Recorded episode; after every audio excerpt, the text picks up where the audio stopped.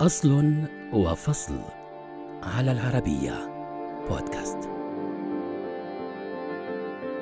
بينما كان البروفيسور البريطاني ساندي دوغلاس يحضر أطروحته لنيل شهادة الدكتوراه في عام 1952 خرج باختراع غير شكل التسلية والترفيه في العالم وصمم أول لعبة فيديو حتى أصبحت اليوم صناعة ترفيهية تدر أكثر من 100 مليار دولار سنوياً.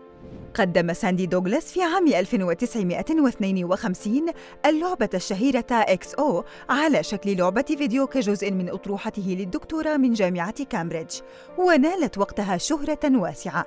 ليتبعه ويليام هيجينبوثام بعد ست سنوات بابتكار لعبة تنس فور تو على حاسوب كبير بمختبر بروك هافن الوطني في نيويورك. وبعده بست سنوات أخرى. في عام 1962 قام ستيف راسل من معهد ماساتشوستس للتقنية باختراع لعبة سبيس وور لتكون أول لعبة فيديو مخصصة باستخدام الكمبيوتر. بقي تطور ألعاب الفيديو يسير بشكل بطيء حتى ابتكر رالف باير عام 1967 نظام ألعاب فيديو تجريبياً متعدد اللاعبين والبرامج. يمكن توصيله بشاشة التلفاز. وسمي هذا النظام براون بوكس الذي عرضته شركة ماغنا فوكس للبيع للمستهلكين عام 1972 بعد شراء حقوقه تحت اسم أوديسي ليكون أول منصة ألعاب منزلية. وفي العام نفسه قامت شركة أتاري الناشئة حديثاً آنذاك التي تعد نواة جميع منصات الألعاب حتى يومنا هذا بتصميم لعبة بونغ التي حققت نجاحاً تجارياً كبيراً. وكانت أول لعبة فيديو تتبع نظام أركيد لتقوم أتاري بعدها بثلاث سنوات بإصدار نسخة منزلية من نفس اللعبة وباعت 150 ألف نسخة. لتحقق نجاحاً آخر وتغير مفاهيم تصميم وإنتاج ألعاب الفيديو. لم تقف شركة أتاري عند هذا الحد، فقامت بإصدار أتاري 2600 عام 1977 وكانت عبارة عن منصة ألعاب منزلية تستخدم أذرع تحكم وأشرطة قابلة للتبديل مع ألعاب متعددة الألوان. في العام 1989 وصلت شركة نينتندو اليابانية إلى الولايات المتحدة وقامت بتطوير الرسوم والألوان ونظام الصوت وطريقة اللعب إلى مستوى آخر مقارنة بالمنصات السابقة.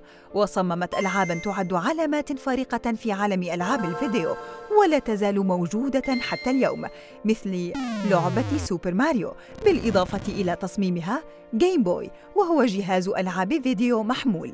دخلت شركة سيجا السباق وقامت بتصميم اللعبة الدموية الشهيرة مورتال كومبات عام 1993 وأدخلت نظام الوصف للألعاب بحسب محتواها.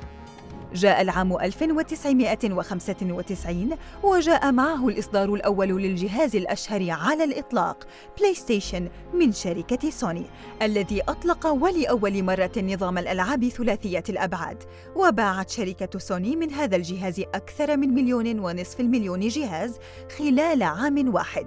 وبعد هذا النجاح الهائل قامت سوني بتطويره وأصدرت النسخة الثانية. بلاي ستيشن 2 في عام 2000 وباعت منذ ذلك الوقت أكثر من 150 مليون نسخة. شكلت سنتا 2005 و2006 بداية العصر الحديث لألعاب الفيديو بالمواصفات العالية واعتمادها على خاصية البلوراي مثل إكس بوكس 360 من شركة مايكروسوفت وبلاي ستيشن 3 لشركة سوني ليدخل التنافس بين كبرى شركات الألعاب مرحلة جديدة وتحقق شركات ألعاب الفيديو أرباحاً سنوية تزيد على 100 مليار دولار.